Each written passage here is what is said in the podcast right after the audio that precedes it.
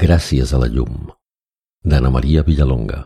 Relat publicat a la revista literària La lluna en un cova, número 5, any 2010. Roser Maribel Gutiérrez. Cuca de llum Bruna Pastor. D'en veu alta, en veualta.cat. Música Clar de lluna, de Claude Debussy.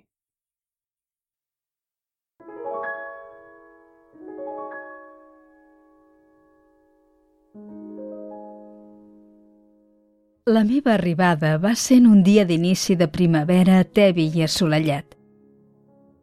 Venia d'un descurat centre de jardineria de barri, on m'havien embotit sense massa miraments, en un test de plàstic petit i abunyegat. Les meves arrels adolorides no hi cabien bé. Estaven encongides i estretes, i jo desitjava intensament fugir d'aquella mena de presó. Quan vaig veure el jardí a través dels vidres de la furgoneta, el meu cor es va omplir de joia. Vaja!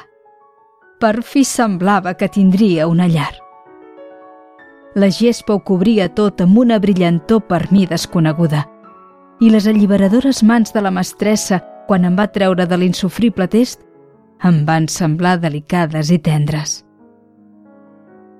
Vaig anar a parar un parterre preciós envoltat de pedres polides i amb una terra bona i fèrtil adobada curosament per la mestressa, que s'ocupava del seu jardí amb molta dedicació.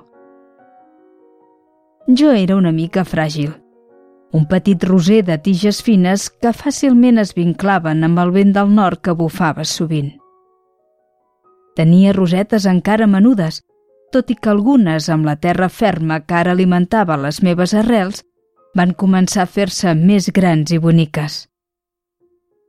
Al començament vaig ser molt feliç. El jardí m'envoltava per tot. Les acàcies, l'aromàtic xuclamel, les mates de menta. Alguns insectes trepaven a les meves fulles, però no m'importava. Tot allò era nou per mi i em semblava impossible trobar-me en un lloc tan perfecte. Tanmateix estava sol. Al meu parterre no hi havia cap altra planta. Jo esperava que la mestressa fes més viatges al centre i portés més flors. Potser un gerani o alguna hortència forta i rodona. Però anaven corrent els dies i no arribava cap company. En realitat no tenia motius per estar descontent. Passava el dia vaguejant sota el sol contemplant les evolucions de les orenetes que feien niu als forats de la teulada de la casa, o veient volar a cel enllà els pardals i les caderneres. Fins i tot hi havia un gat pelut que de tant en tant se m'acostava silenciós i olorava les meves flors rosades. De vegades mossegava algun pètal i després es llepava els morrets amb evident plaer. Això m'agradava molt perquè el veia feliç. També les càlides nits de començament d'estiu eren molt agradables i m'entretenia estones molt llargues contemplant els milers d'estrelles llunyanes que omplien el cel per damunt de les meves branques. Tot i això, encara em trobava sol.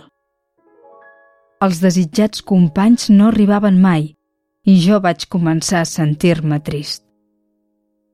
Necessitava parlar amb algú, Necessitava escoltar les seves coses i explicar-los les meves.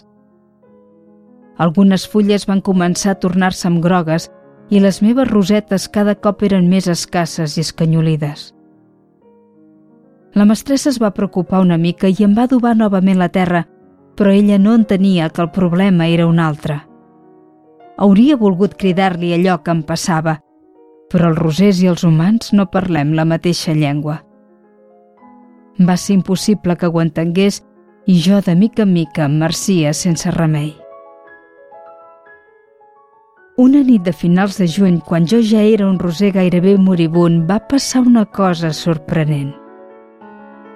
Jo mirava a terra perquè no tenia forces per aixecar les branques i contemplar el cel estelat.